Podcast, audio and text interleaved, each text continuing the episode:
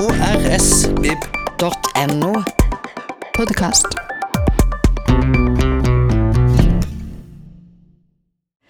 Ja, eh, hjertelig velkommen til språkshow med Sylfest Lomheim. Ord ut, ord inn. Og dette tenker jeg er noe vi kommer til å gjøre mer av på lørdag til høsten. For språkinteressen er stor i befolkninga. Så ta godt imot Sylfest Lomheim.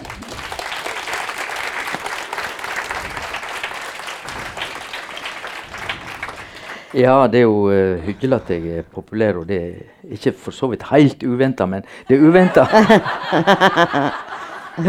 men det er uventa likevel at det er så mange som forlater den solvakre kvadraturen i dag. Det er konfirmasjon og alt mulig oppe i byen. Og så at de kommer ned i kjelleren her for å høre på oss. Men vi setter forferdelig pris på det. Og da begynner vi å eh, Skal døra igjen der nede? Ja. Ja.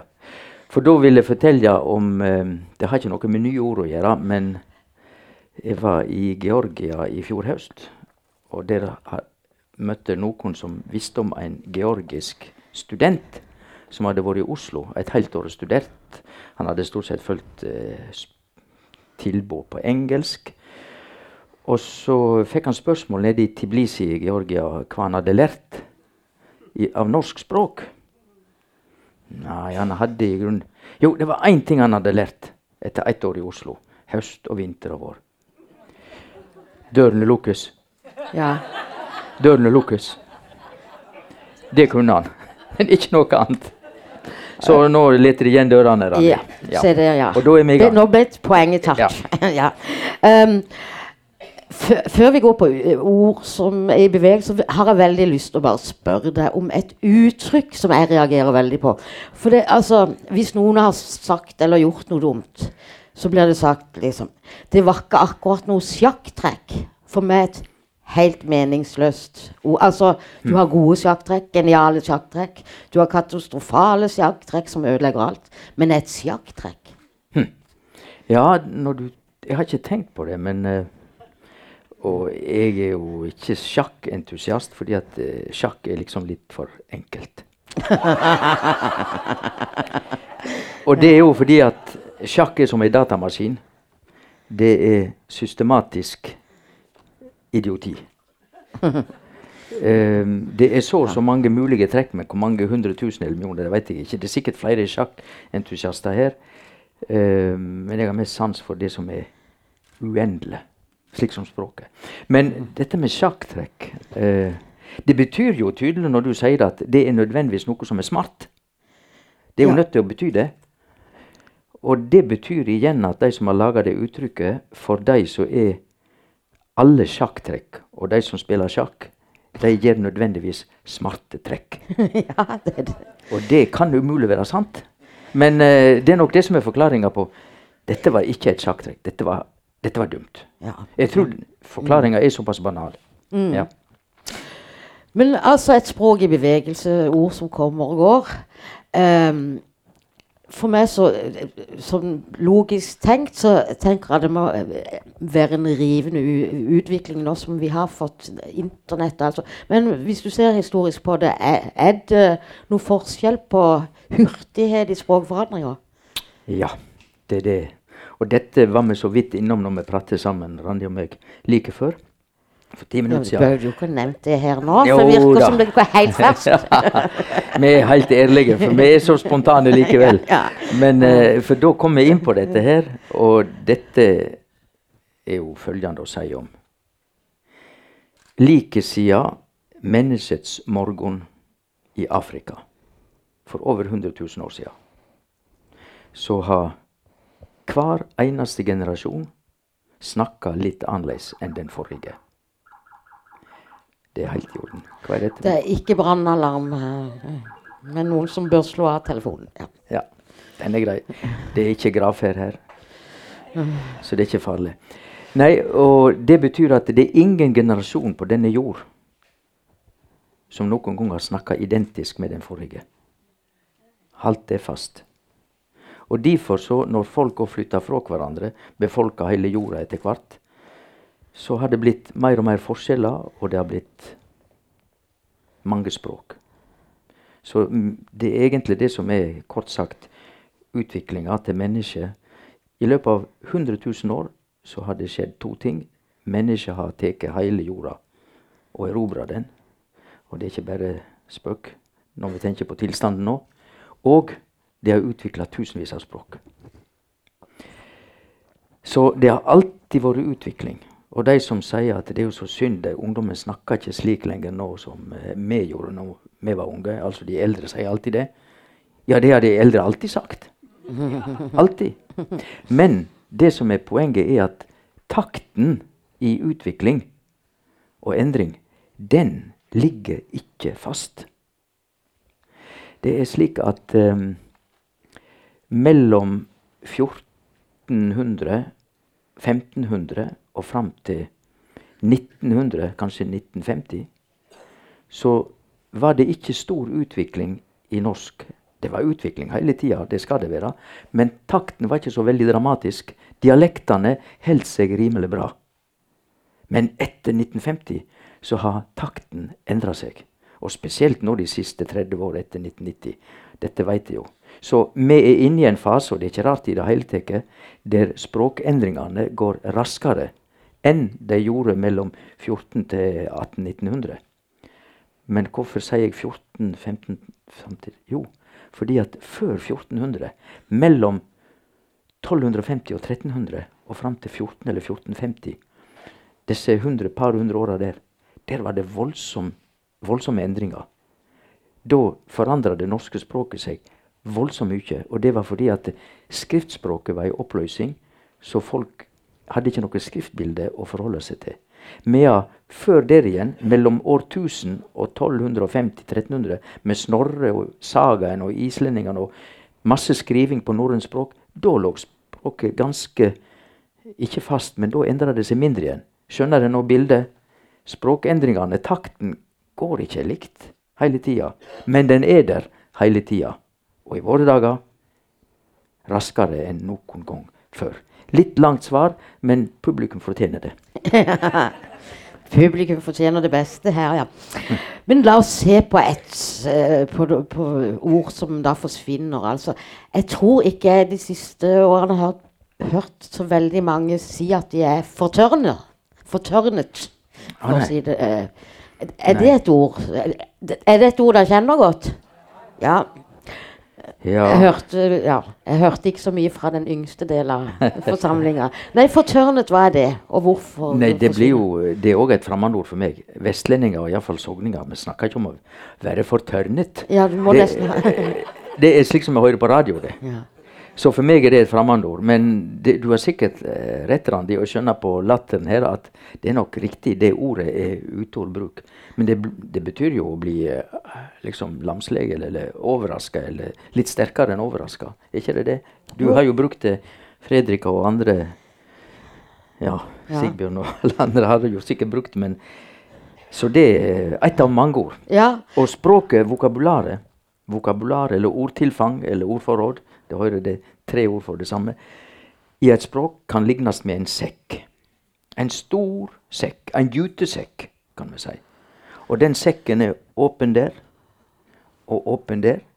Og så kommer det ord inn, og så er det i denne sekken. Og så detter det ord ut hele tida. Og det betyr at ordforrådet eller vokabularet vokser ikke egentlig så voldsomt. Det kan jo variere, og det varierer først og fremst ikke fra språk til språk. Folk tror at det engelske er liksom rikere enn norsk. Men den store variasjonen er fra individ til individ. Enten de nå er engelskmenn eller norske eller franske eller tyske eller hva som helst. Der er det variasjon. Men den sekken Det norske språket har en sekk med ord, og den er omtrent like stor nå som før, men innholdet endrer seg konstant. Er det hull i sekken? med andre ord? Nettopp. Du holder der og holder der. Noen kommer inn, noen ja, ut. Ja. Og så er mengden stort sett konstant. Mm. Suppegjøk. Suppehue. Ja. Er det noe vi bruker nå? Ja, det er vel de som bruker det ennå. Det er sikkert behov for å bruke det ennå. Men, Stort behov. Men uh, det har jeg ikke tenkt så mye over. Men Wesenlund og de andre husker Ja. jo det, og det var jo supperådet. de- Supperådet er Ja. fantastisk. Men det kom vel etterpå? Ja, Uttrykket. sannsynligvis så er det jo fordi at suppe er jo Det er ikke elegant. Det er liksom Jeg er veldig glad i suppe, altså. Men, men det er liksom Skal det være kulinarisk nydelig, så er det Så sannsynligvis har suppe en litt negativ klang. Og når noe er et supperåd, så er det ikke bra. Og en suppegjøk kan ikke være helt topp heller. Men du hører, jeg har ikke noe bedre svar å komme med enn det. Nei. Så lurer jeg litt på, når, når vi har språkkyndig dette, til dette stedet, så er det historieløst eller eh, etisk riktig, korrekt, at man i litteraturen f.eks. da eh, I Astrid Lindgren så ble negerkongen omdøpt til sydhavskongen. Vi snakker jo Pippi, da. Ja. Er det, er det en riktig vei å gå? Eller er det litt historieløst å ikke få beholde sånn Ja, altså Spør du meg, så syns jeg at det skulle bare stå i boka hennes. Vi skal ikke gå inn og forandre slikt. Nei. De som har behov for å understreke noe for heller, legge inn en fotnote enda. Fotnoter i bøker er jo en uting, iallfall hvis det er litteratur. Men, eh, og så er jo jeg blant de som da jeg var språkdirektør, levde litt farlig, for jeg sa det at eh, disse folka i Oslo som driver og setter opp liste over ord som skal forbys fordi at eh, orda ikke er tolerante. Det er i alle fall intoleranse å sette opp ei liste og si at nå skal ikke de bruke disse orda. Det er intoleranse, det. Å si at en fisker i Nord-Norge eller en språk... Nei, ikke jordspråk, men småbruker på Vestlandet som ikke kan noe annet ord enn neger har brukt det i all sin tid. Og så kommer en fyr eh, Fredrik, du er jo fra Oslo, du får tåle det. Men la oss si en fyr fra Oslo-regionen. Du må ikke bruke ordet neger, for da diskriminerer du. Hvem er det mennesket som kan si til småbrukeren eller fiskeren at du diskriminerer? De veit ikke hva som er i hodet til fiskeren. De tror at diskriminering er knytt til bokstaver. Diskriminering er ikke knytt til bokstaver. Det er knytt til det som er i hodet. Og derfor er det prinsipielt Og det ser at nå er ikke jeg hu humørfylt engang, nå er jeg alvorlig. Det er prinsipielt forkastelig å ha et språksamfunn der vi hele tida diskuterer hva slags ord som ikke skal brukes. Det er prinsipielt forkastelig. Men det som alle må tenke på, og det gjelder ikke bare ord, det gjelder ikke bare språk, det gjelder alt. Vi skal ha folkeskikk. Og vi skal tenke litt på om vi støyter andre eller ikke. Det bør vi ha i bakhodet. Og hvis vi har det i bakhodet, så trenger vi ikke flere regler enn det for språkbruken heller. Men jeg blir veldig provosert når visse folk sier til en fisker i Nord-Norge eller en småbruker på Vestlandet og sier det ordet må du ikke bruke, for da diskriminerer du. De kan heller si at eh, du må være klar over at eh, dette ordet i Oslo vi begynt å bruke annerledes, og det er kanskje ikke så lurt. og sånn. Men det er jo ikke slik de snakker. Så, Og neger de sier ja, du, vi bør kalle det svart. Ok? Eller mørk. Ja, men neger betyr jo svart eller mørk. Ja. Det er bare to ord som betyr det samme. Eh, så hvis jeg har hørt om eh, eh, Rio Negro Det betyr Svartelva. Hun er sikkert full av gjørme, antagelig. Og eh, da kan jeg òg fortelle en sak som ikke så mange husker på. Eh, vikingene våre for 1000 år siden de seila jo ikke bare til Normandie og Irland og Island og sånn. De, de seila jo like ned så de kom til inn gjennom Gibraltar og Nord-Afrika. Og der så de jo svarte menn. Så eh, ordet har vært brukt, men de brukte ikke neger. Den første som brukte ordet neger i norsk, var en bergenser på 1770-tallet eller noe sånt. Det er dokumentert. Da kom det, ikke før. Eh, og før var ikke det bruk for det heller. Men, eh, men eh, vikingene Det står i tekster på gammelnorsk, norrønt, at de så blå menn. Jeg er sikker på noen har hørt om det. Blåmenn. Ja, hvorfor kaller de dem blå? av samme grunn antagelig som Åsmund Olavsson Vinje, og da tenker jeg på Olav V satt her for en stund siden og snakket om Vinje og Vinjejubileet. Av samme grunn som Vinje skriver om Blåmann, Blåmann, bukken min. Fordi at i riktig gammel tid, ikke bare 1000 år, men òg litt yngre, nærmere oss, adjektivet blå betydde to ting. Blå og svart. Slik at eh, i gammelnorsk for vikingene så betydde ordet blå svart. Så det var de svarte mennene. Mm. Da stemmer det jo. Blåmann, blåmann, bukken min. Han var antagelig mer svart enn blå i, i uh, pelsen sin. Eller det er jo ikke pels, unnskyld, det er jo ragg. Ja. ja sånn. Da kan jeg jo for så vidt tenke meg svaret ditt på hva du syns at uh, Store norske leksikon iallfall uh, eh, har fjerna ordet indianer. Mm. Det. Ja. Nå må jeg prøve å være kortere i svarene mine. Ja. Nei, for det, jo, det skrives jo fra Columbus, det, det vet de fleste. Da Columbus kom til Amerika i 14, var det 92, 98 eller ja, Takk, her sitter leksikon. 1492. Så de var jo på jakt etter sjøveien til India. Det var det de skulle finne, europeerne. Og da mente de at de hadde funnet den. Og de folka de møtte da på strendene, det ble indianere. Så enkelt er det med den forklaringa. Og derfor er det jo vanvittig feil å kalle disse folka for indianere. Men det har vi gjort i over 500 år. Eh, men det er ikke noe tap om det de prøver å gjøre noe med deg. Er akkurat der er du for uh, Ja, da, fordi det er liksom så totalt feil. Mm, mm, eh, ja. de som ikke er gule eller rosa i huet slik som vi, men mørke og bortimot svarte, det er jo i og for seg logisk nok å beskrive folk etter hudfarge hvis det er et poeng. Det er jo ikke alltid det er et poeng. Eh, så det er jo saklig sett, men indianere er bare tull. Ja. ja. Mm, ja. Uh, å fjerne visen om uh, Veslehoa, altså Torbjørn Egners mm. vise, mm. den ble rett og slett tatt ut av sangboka hans fordi at der står det hotten, uh, omtalt hottentotter. Mm. Var det et riktig grep? ja, men nå, jeg skjønner ikke at det skulle være Er ikke det hottentotter de heter? ja, for det er jo navn på en, en ja jeg er ikke så spesialist på Afrika, men det er jo en menneskegruppe som blir kalt det. Ja. For de har spesielle Er de små, eller?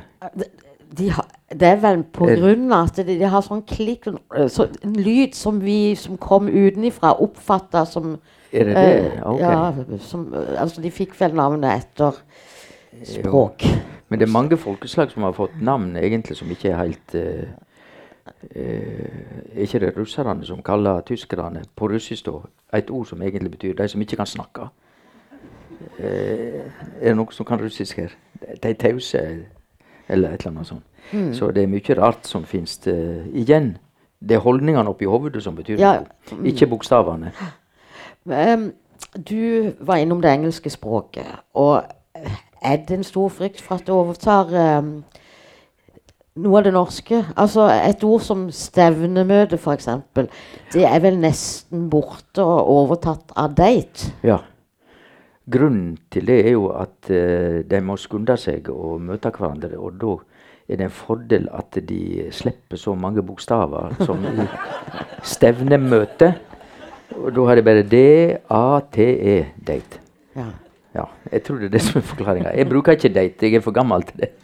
Men uh, så Men, du går på stevnemøte? Hvis jeg skulle det, ja. ja, ja. Da ville jeg ha så god tid at jeg, hadde, jeg kunne brukt alle bokstavene. Men uh, ordet 'date' er jo det samme som uh, data. Om noen har en datamaskin med seg. Det har de vel ikke. Og det er òg samme ordet som i dato. Dato og data og date. Date er jo dato på engelsk. Eh, samme ord. Og alt kommer fra latin et verb som heter dare. Og i partisippen så er det datum. Og det betyr altså det som er gitt. Så datum er gitt. En dag er gitt, ikke sant? Og uh, data, det er jo selvsagt det som er gitt. Tilgjengelig. Og siden stevnemøtet må vi vone er festa til en bestemt dato, ellers blir de forvirra, så er det jo ikke så rart at eh, date har blitt et ord for stemnemøte òg. Så det er sirkelen, på en måte. Ja, ja, vi har Men, eh, men eh, ja, hva vet jeg. Date er jo greit nok, men datadate blir jo enda verre. Det, driver ikke de med det òg? Jo, jo, jo. jo. Ja. Um, uh, Det er jo artig, for det er altså smør på flesk, det. Det er å si det samme med to ord. Datadate, ikke sant? Ja. Eh, noe som er gitt, høres jo flott ut, men når du sier eh, date og data, så høres det litt sånn eh, kjølig ut.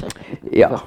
ja. Det er ikke veldig spennende. Så, så vi foretrekker stevnemøte. Ja, Hvis til vi har tid til å si til det. de grader, ja. Ja. Da kan du ha både vin og alt. Ja. God tid til å temperere vin og ja. ja.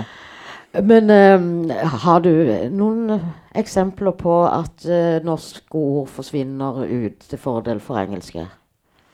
Eller Ja hm. Det burde du jo ha tenkt på. Ja. Um, Jeg ba deg om Nei da. ja, nei, men det kanskje vi får forslaget fra salen. ja. Her sitter jo 200 kvikke hoved. Corner! Nettopp. Hjørnespark. Ja, ja, ja. Og der har du vel keeper Og òg. eh, keeper, ja. Målvakt. For det er jo Vi skal være kjønnsnøytrale, ikke målmann. Målvakt, målkvinne. Og målkvinner er jo ikke på fotballbanen, de går rundt og snakker om nynorsk. Så eh, målvakt blir jo veldig bra. Hm? Trikse, ja. Triksa. Det har du rett i. Og um, offside. Men nå må jeg være forsiktig, ikke, for her er det jo bare 15% knapt av det som er her inne som er interessert i fotball. Ja. Men, eh, men på offside Kickoff. Kick Nettopp! Avspark. Nydelig. Ja, det har jo inntatt språket på mange ja, ja, arenaer. Ja, ja, ja. Kickoff for alt mulig som skal skje. Hm? Hva er det for noe? Det er tennis. tie, tiebreak, ja. Akkurat. Ja, her kom det jo. Men det er bare sporten vi forholder oss til her nå. Mm.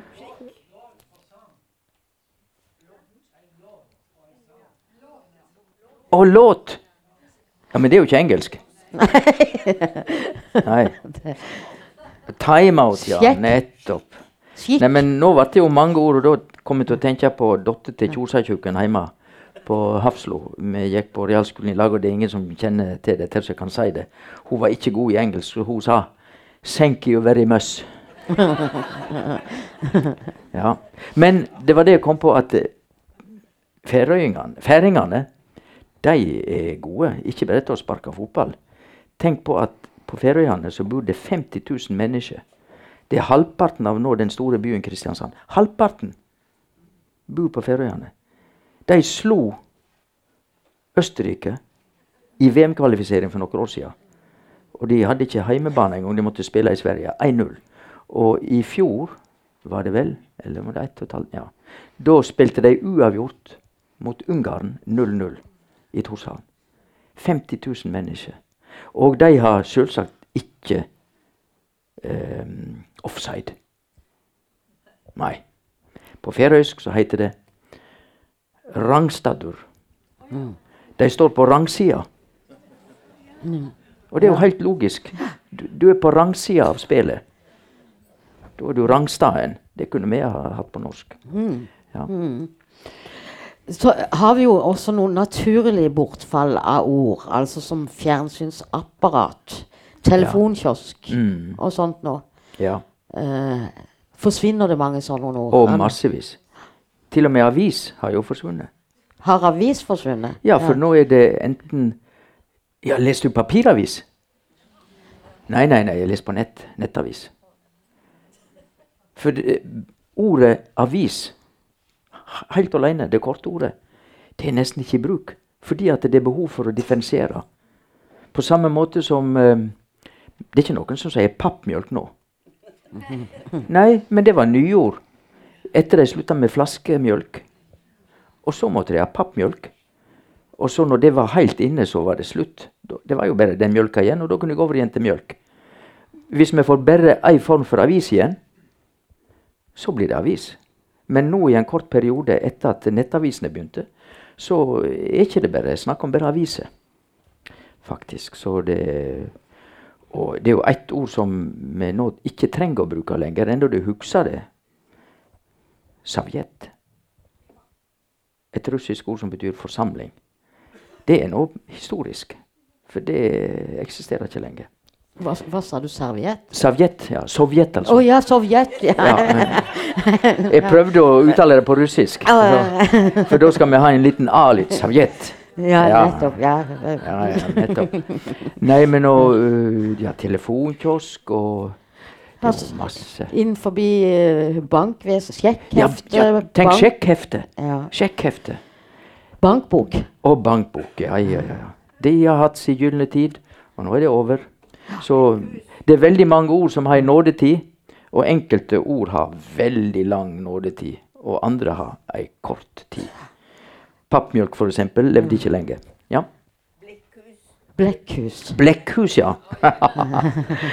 ja, nei, det kan du se på museum. Norsk Folkemuseum. Ja. Det er klart. du, eh, et eksempel Et ord som kom inn for fullt, men som uh, pga. ikke nødvendig å bruke, nokså ut igjen. Askefast. Å ja. Askefast og oskefast. Og det var jo Det var jo um, Eyjafjallajökull. Eh, det blir skrevet Eiafjallajökull, men på islandsk uttalen Eiafjallajökull. Og det er lett for en sogning å si, for de snakker sognamål på Island. sånn rimelig. Men det var i Nå begynte jeg å snakke sogning automatisk. Eh, det var i eh, høsten eller våren 2010. Ja. Kanskje om våren. April. Og da Da var det et bilde i avisene. Den oska der, den lamma jo hele flytrafikken. Ikke bare mellom Island og Norden, men over hele Europa. Tenk, en oskefis på Island. Naturen med stor N og A og T og R. Og så blir hele Europa lamma. Det burde gjøre oss litt audmjuke med mennesker som tror vi er konge på haugen. Med da er vi over på noe som er Ja, det er det viktigste politiske for meg. Men eh, det er nå så. Uh, det skulle ikke mer til. Og Jens Stoltenberg satt på flyplassen, og da var ikke han generalsekretær, han var statsminister. Og han kom ikke hjem igjen. Han satt med laptopen sin på en flyplass, kanskje det var i Brussel, og kom ikke hjem igjen. Og da ble ordet askefast, oskefast til. Han satt askefast. Og det ble kåra til årets ord av Språkrådet i 2010. Amerikanerne de meldte om dette med en gang. Og eh, om morgensendinga i CNN så prøvde de seg å eh, liksom framføre dette ordet på den vulkanen. Men det kom ikke lenger enn til om ettermiddagen på sendinga så snakka de om vulkan and this uh, 16 letters word. For de kunne ikke si det. Amerikanere kan ikke si Eiafjallajökull. Men det var oskefast. Det var skikkelig Og det ordet har vi heldigvis ikke hatt bruk for så veldig mye. Men det har ikke forsvunnet igjen. Nei, mm, det, det, men det med bruken Ja, ja, ja. Og den er fantastisk. Den som laga det, det var nok en journalist, mener jeg. Han gjorde eh, deskjobben den dagen. Ja, veldig godt ord. Men, men det ble vel også mer bruk av det ord med togfast og Altså at, Ja. det, at det, det kom inn som en sånn ny Og ja, på Vestlandet med Rygfast og uh, alle disse tunnelene som binder sammen, da bruker de fast. Ja. Og det er kanskje Ja. Om de begynte med det før eller etter uh, Åskefast, det Men du, Randi, vi burde òg snakke om ting som uh, nyord. Ja, det er det. en ting er nyord som ikke fantes før. Men veldig mange nyord er slike ord som fantes før, og så forandra med meninga. Og så er det egentlig nytt ord. Ny mening, men gammel skapning. Altså i en gammel form. Hadde jeg tenkt på at i våre dager så kan det skje at en torpedo kommer på døra og ringer på og vil ha penger. For 20 år siden så hadde det vært absurd. For torpedo er jo et våpen som går ut fra en ubåt. Men eh, nå Det vil ikke løfte et øyebryn engang om torpedo blir brukt om, eh, om et menneske. Og så noe som jeg skrev om i eh, Klassekampen 2. mai. Det er ikke lenge siden. Tre dager siden. Ja. Da skrev jeg om radikalisering. Og jeg skrev at det er et ran som har skjedd. Fordi at radikalisering nå er jo slik at det betyr terror, vold, ekstremisme. Og det betyr at nå er folk forsiktige med å si at du er radikal. For da er det nesten som å si at du er terrorist. Og nå er det jo lov å tilhøre både høyresida og venstresida i politikken. Men det er jo ikke tvil om at radikal har vært et av de fremste orda som representerer venstresida politisk, og da et plussord. Men for de som er konservative, så er det et negativt ord. Det er helt greit. Radikalt bokmål, konservativt bokmål. Sant? Men selve adjektivet radikal er blitt ødelagt i løpet av ti år. Som gjør at um, ordet radikal ble sikkert ikke brukt mye i 1. mai-tala nå. Enda det burde ha vært brukt. Og eh, jeg eh, Som det heter i radio når de snakker hva som har skjedd tilfeldig neppe. Fordi eh, det er visse krefter som har brukt ordet radikalisering knyttet til terrorisme og slikt. Og det har gått igjennom. Nå bruker alle det, og de gnir seg i hendene.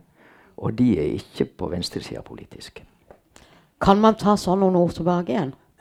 Nei. Nei. Jeg tror ikke det eh, Radikalisering og radikale er tapt, men det er lov til å knytte neven og si ifra og si at dette, dette liker vi ikke. Vi er litt forbanna. Men de som har gjort det, og de har ikke vært passive, de kreftene, de har pusha ordet. Ja, venstreradikal. Kommer det fra fremste benk? Det er jo slik at de beste elevene sitter alltid fremst. ja, nei, du, du har rett i det. Men, og ordet radikal kommer jo ifra latin radix, som betyr rot. Og ikke MS, rot, men rot på en plante, rot på et tre. Og derfor å være radikal er å gå til rota, ikke bare på overflata. Altså overflatiske politiske tiltak, det ligger da i ordet, det funker ikke over tid. Skal ei endring være varig, så må du gå i dybden. Så, så fint er det ordet.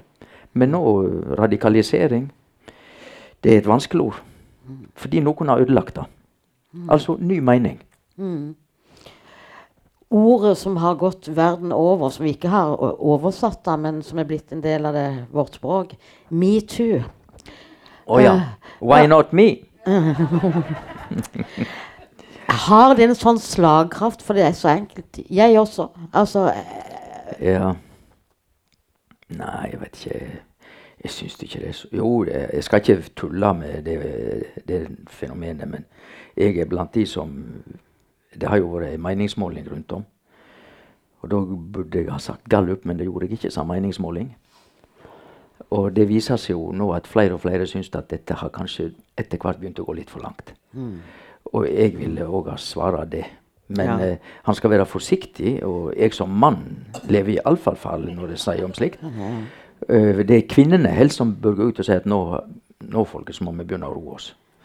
Uh, så, men, men, men ordet har jo Dette er jo en global eh, Ja. Over hele verden. Metoo har tatt hele markedet i løpet av noen og, måneder. og i den forbindelse så er det jo et ord som tafsing har gått igjen.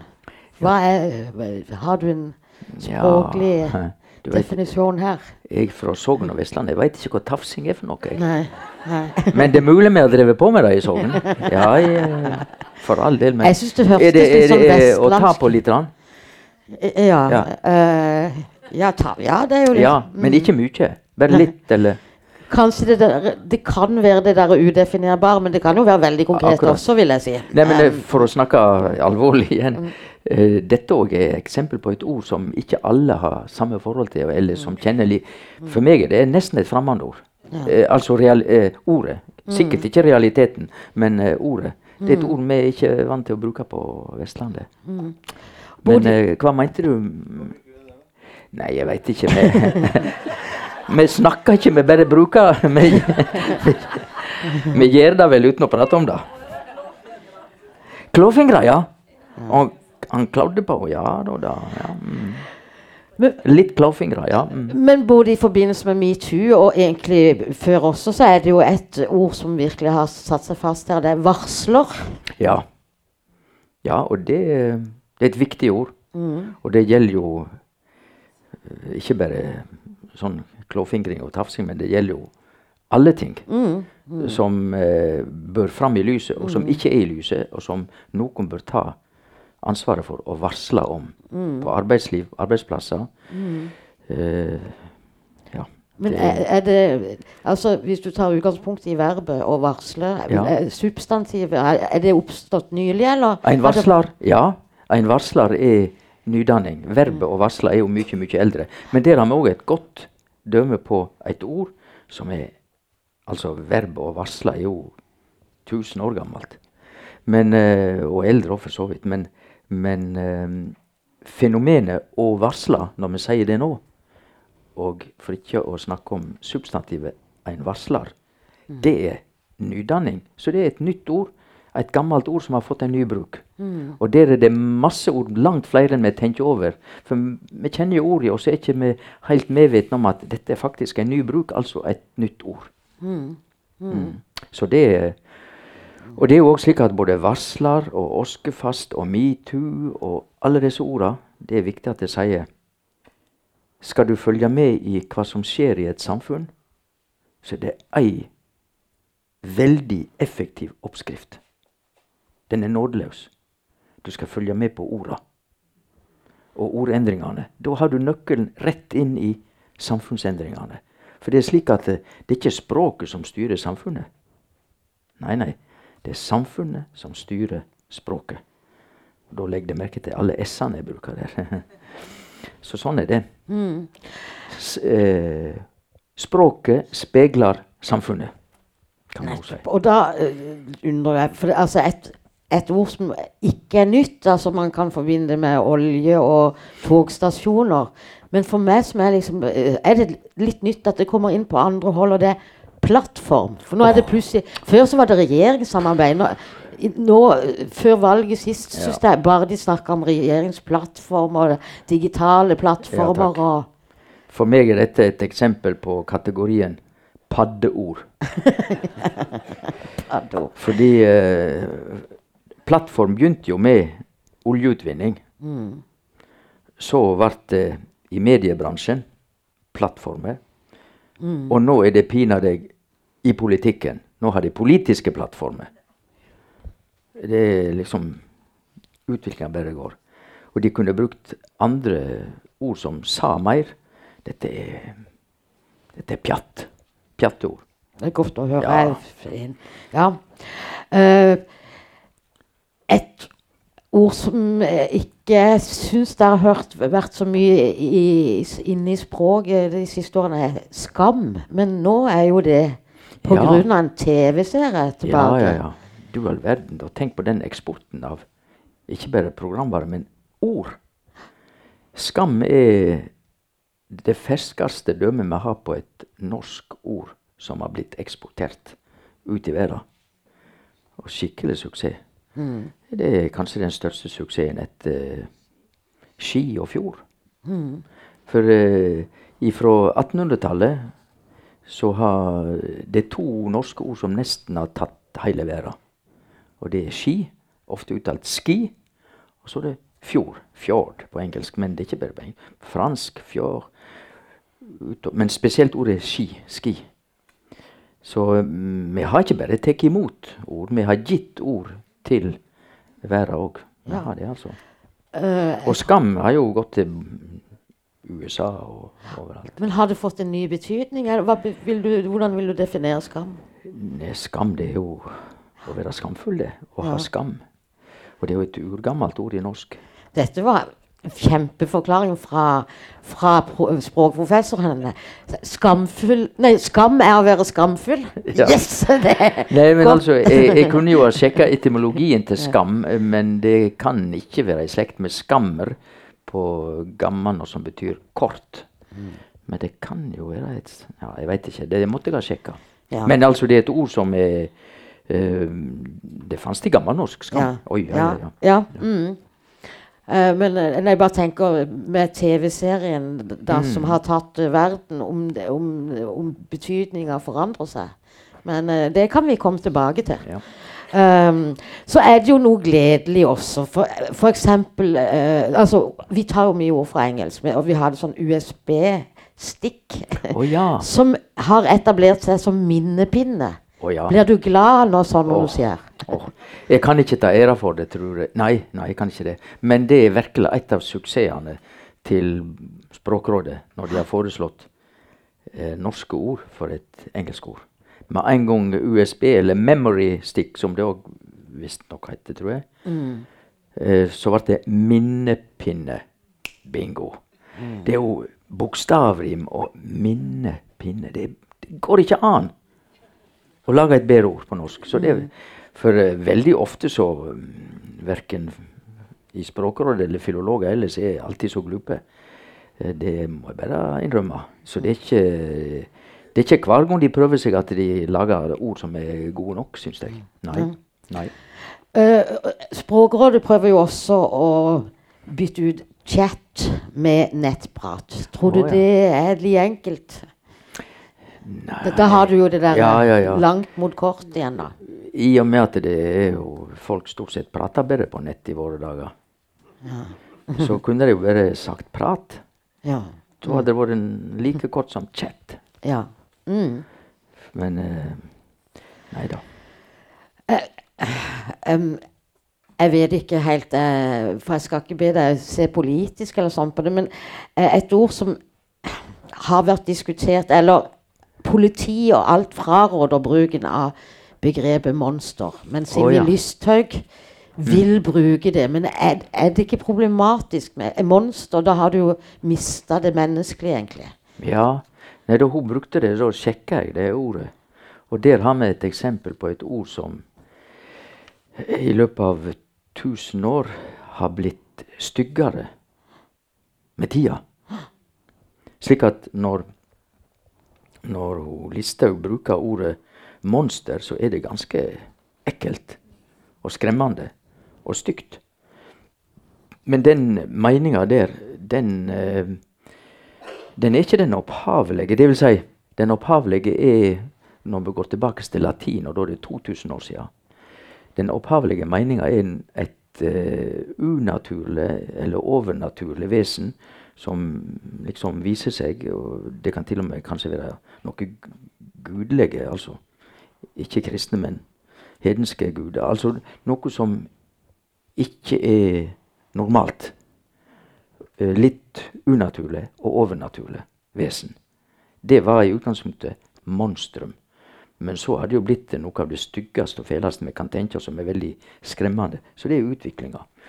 Og um, igjen så får hun bare bruker det, og så må hun finne seg i at vi andre vurderer henne.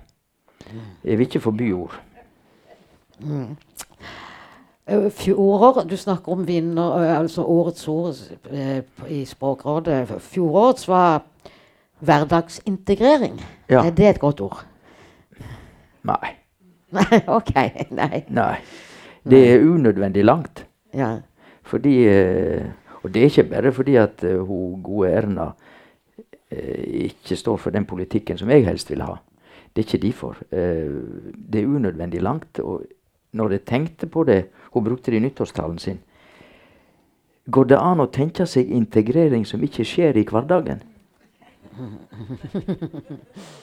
Og hvis det er tilfellet, så er det totalt unødvendig å snakke om hverdagsintegrering. Da er det bare integrering. Men vi vet jo hvorfor hun, hun brukte hverdagsintegrering. Fordi at da insinuerer hun at det, finnes en del sånn byråkratisk overstyrte integreringer med Nav og flykt... Ja, alt, alle disse folkene som virkelig jobber hardt med integrering. At det kanskje ikke er bra nok. Og da begynner det å dirre litt i meg. Dette er politikk. Ord og ordbruk, det er politikk. Virkelig. Uh, nærpolitireformen, har du hørt om den? Ja. Hvis de hadde gått til Vestlandet, Sogn og Fjordane eller Finnmark, så hadde folk blitt forbanna. Sagt det er løgn. Det er ikke nærpolitireform. Det er sentraliseringsreform. Men hun blir omtalt som nærpolitireform. Og der tror jeg de går litt over grensa, fordi at folk er ikke dumme. Og når folk får presentert for seg ord som har en helt annen mening enn det folk vet de har Når politikere sier til folk at 'dette er ikke hvitt, det er svart', eller omvendt, da blir folk provoserte. Og dette igjen skaper grunnlag for reaksjoner. Og så får vi norske lokale varianter av populisme som er relativt intellektuelt forankra. Nå var jeg politisk. Ja. Ja. Uh, og jeg vet ikke hva som skjer på Vi må avslutte her med årets å- Årets ord Fjor, 2017, som vel kan, vil tro også gjelder på verdensbasis. Som fake news, falske oh, ja. nyheter. Ja, ja, ja. ja, ja. Mm. Faktum, ja. Ja. Fakta. Ja, og der er vi igjen i det som har vært temaet vårt, Randi, at uh, orda speiler samfunnet. Og for 20 år siden så ville folk stussa hvis det var snakk om falske nyheter. Nyheter var nyheter, punktum.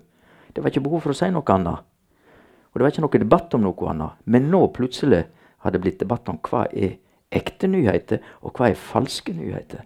Det sier litt om utviklinga, at det var behov for ordet. For orda dukker opp når det er behov for dem. Det er grunnregelen. Fake news. Men det har ikke gått så langt som at uh, vi pleier å omtale ting som ekte nyheter. Vi tar Nei, nei, det har vært snakk om nyheter. Og det, det ville vi liksom mene skulle holde, men uh. Ja, det er det jeg mener. Det er, er det fare for at vi må begynne å bruke begrepet ekte også om nyheter?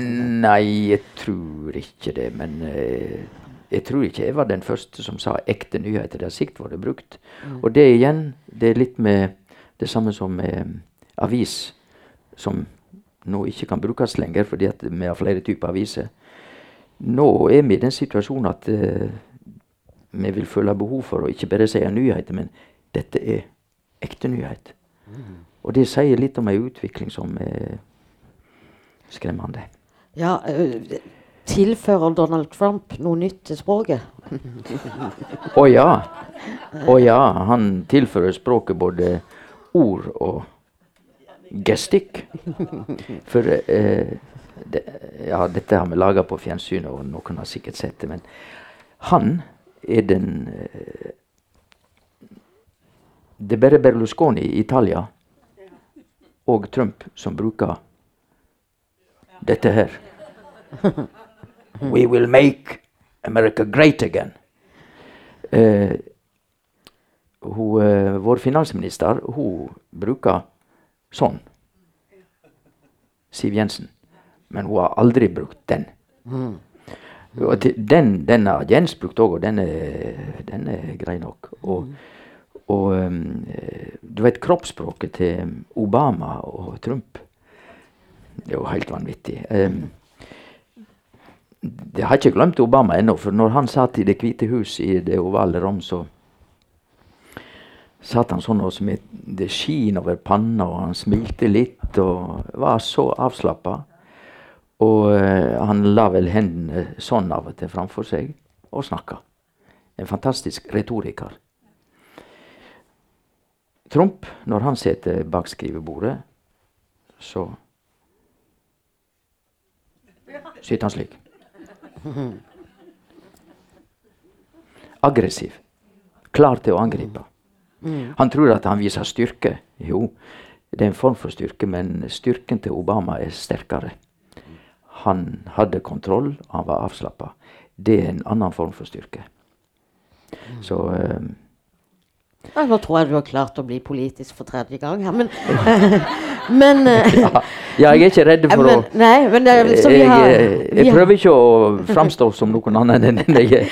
så vi har språk, og så har vi kroppsspråk. Altså. Ja. Har, nå tenkte jeg Har du noe mer på hjertet, eller? Å ja. Ja. Nei, men det, det er én ting jeg iallfall må si før vi slutter. Det er to ting. Det første er at um, Husk på at ordforrådet forandrer seg veldig. Og det er jo slik at eh, vi snakker norsk i 2018. Det hører jeg si i 2018 og 2010. Jeg sier ikke 2010, for det er ti over åtte. Men vi snakker norsk nå.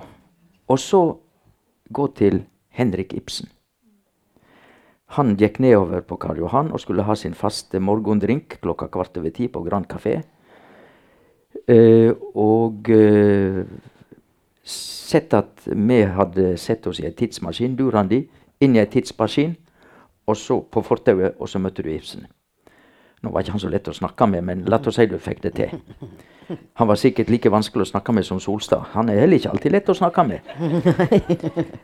uh, og du hadde snakka om din hverdag, og han om sin. Han hadde ikke forstått deg i det hele tatt. Men han hadde oppfatta at hun her blonde, sjarmerende, fine jenta hun snakka jo norsk. Men hun snakka jo om film og fjernsyn og dato, eh, data og mobil. Til og med noe slikt som statsbudsjett hadde ikke han skjønt. Masse. Trygd. Nei.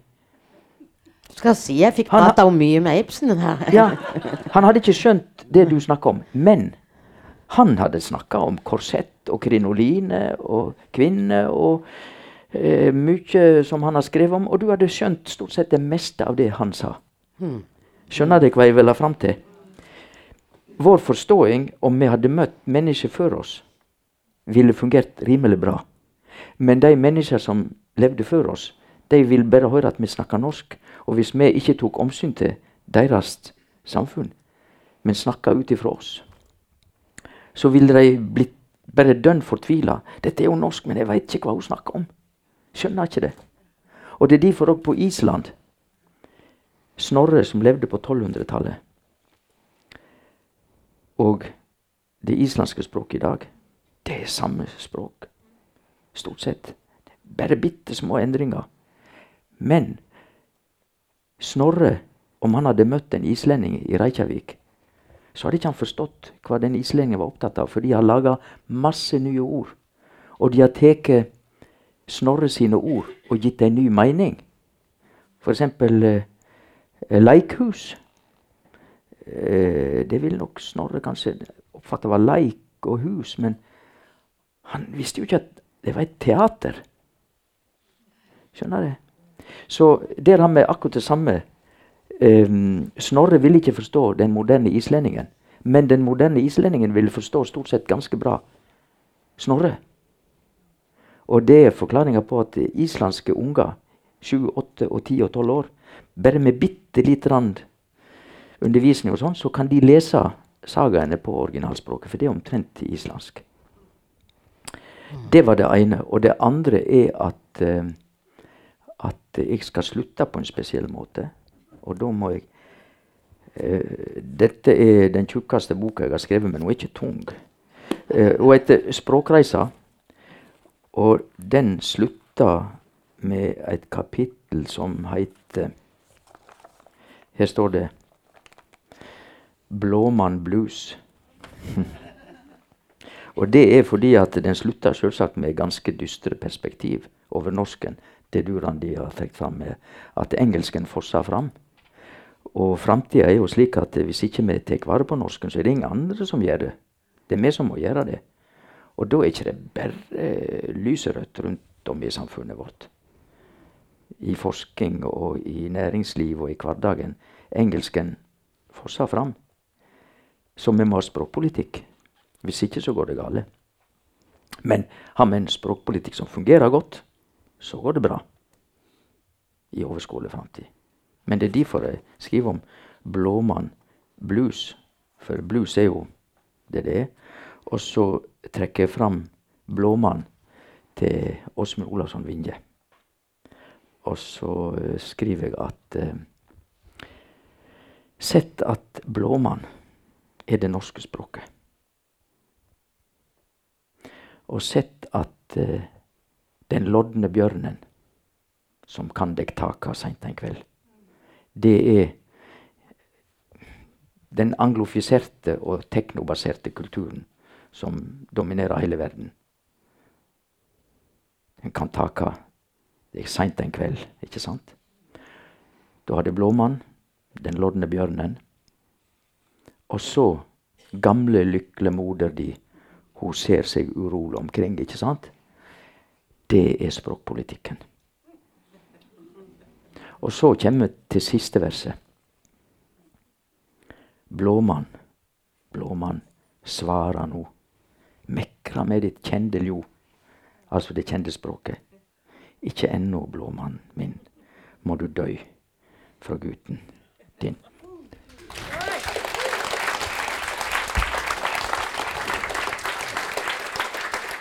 Ja, tusen takk til språkprofessor og trubadur Sylfest Lomheim. Og tusen takk for at dere kom, og ha en fortsatt god lørdag. En ekstra for Sylfest her.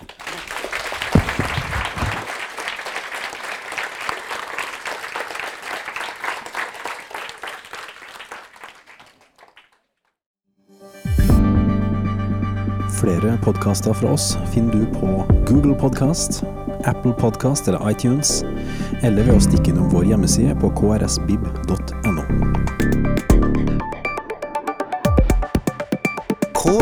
krsbib.no.